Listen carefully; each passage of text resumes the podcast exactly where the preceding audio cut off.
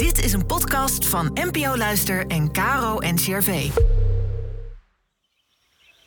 Welkom bij de Kloostercast. De podcast met antwoorden op alledaagse levensvragen vanuit de kloostertraditie. Inspiratie voor je dag.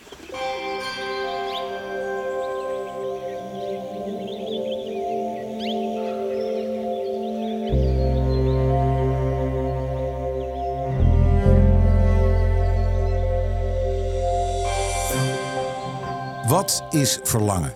Zuster Monica Razen is canonicus van het Heilig Graf. Een kloosterorde die leeft volgens de regel van Augustinus. Zij gaat op zoek naar een antwoord.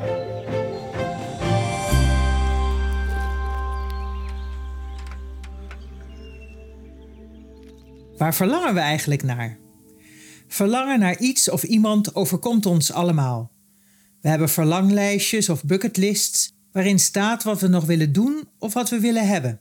Feitelijk is de tijd van het verlangen vaak leuker dan wanneer het verlangen is vervuld. Het hebben van de zaak is het eind van het vermaak, luidt een spreekwoord. Soms verlang ik naar materieel bezit of naar een concrete actie, bijvoorbeeld een nieuwe auto of samen zijn met dierbare vrienden. Maar het kan ook verlangen zijn naar iemand die op dat moment er niet is, of naar iets dat een gevoel van leegte vult. De huidige tijd roept veel verlangens op, of eigenlijk begeerte. De reclames doen je geloven dat als je dit of dat hebt of doet, dat je daar gelukkig van wordt. Je zou bijna denken dat je niet zonder kunt. Maar de vraag is: word je er ook gelukkig van? Vaak is het toch meer een begeerte van het hebben of doen.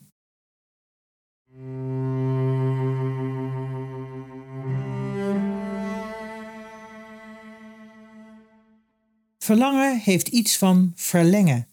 Het verlengt en verbreedt je mens zijn. Je voelt je een completer mens. Dat wordt lang niet altijd bereikt door materiële zaken.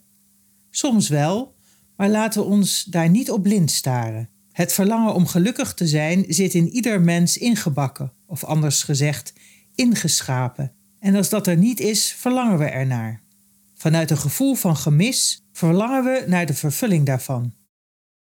In het christelijk geloof leggen we dat verlangen vaak voor in gebed. We vragen God om dit verlangen te vervullen. Dat kan leiden tot wat ik wel noem Sinterklaas bidden. We vertellen God wat er gedaan moet worden om ons tevreden te stellen. God maakt dat die of die beter wordt. God laat ik een partner vinden of een baan. Dat is begrijpelijk, maar zou God dat niet al lang weten? Als we ons daar bewust van zijn, kan het er ons toe brengen onze handen open te houden en te ontvangen wat we krijgen. Niet iets begeren, maar iets ontvangen waarmee ons verlangen vervuld blijkt te worden. Augustinus, een vierde eeuwse kerkvader, zegt: Verlangen bid altijd. In gebed en gedachten staat je verlangen altijd uit naar wat komen gaat.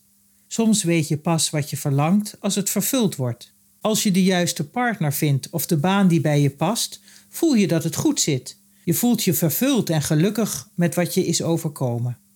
De kunst is ons begeren om te zetten in daadwerkelijk verlangen, verlengen naar wat je toekomt en daar je geluk in vinden.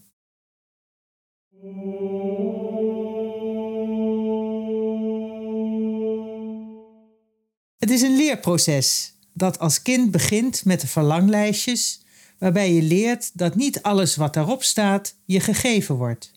Naarmate je volwassen wordt, leer je omgaan met onvervulde verlangens.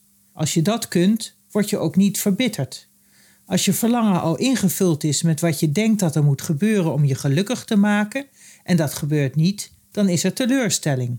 Uiteindelijk kan dit het gevoel geven dat je nooit krijgt wat je verlangt en dat je daardoor ook niet gelukkig wordt. Als je open kunt staan voor wat het leven je geeft en je je daartoe verhoudt, dan kan ook wat je niet verwacht en waar je in eerste instantie niet naar verlangd hebt, je gelukkig maken. Door mijn keuze voor het religieus leven heb ik geen vast omlijnde verwachtingen meer van wat ik zou moeten bereiken of hebben. En toch voel ik mij gelukkig, omdat mij zoveel onverwacht mooie mensen, dingen en belevenissen toevallen. Het blijft zaak voor jezelf onderscheid te maken tussen verlangen en begeerte.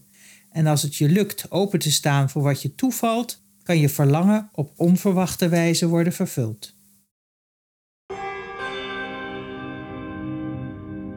In gesprek met God vraag ik: Goede God, leer mij open te staan voor wat mij toekomt. Leer mij mijn verlangen af te stemmen op wat geluk geeft, zowel voor mijzelf als voor de mensen om me heen. In uw liefde wordt mijn verlangen vervuld. Laat die liefde in mij zichtbaar worden.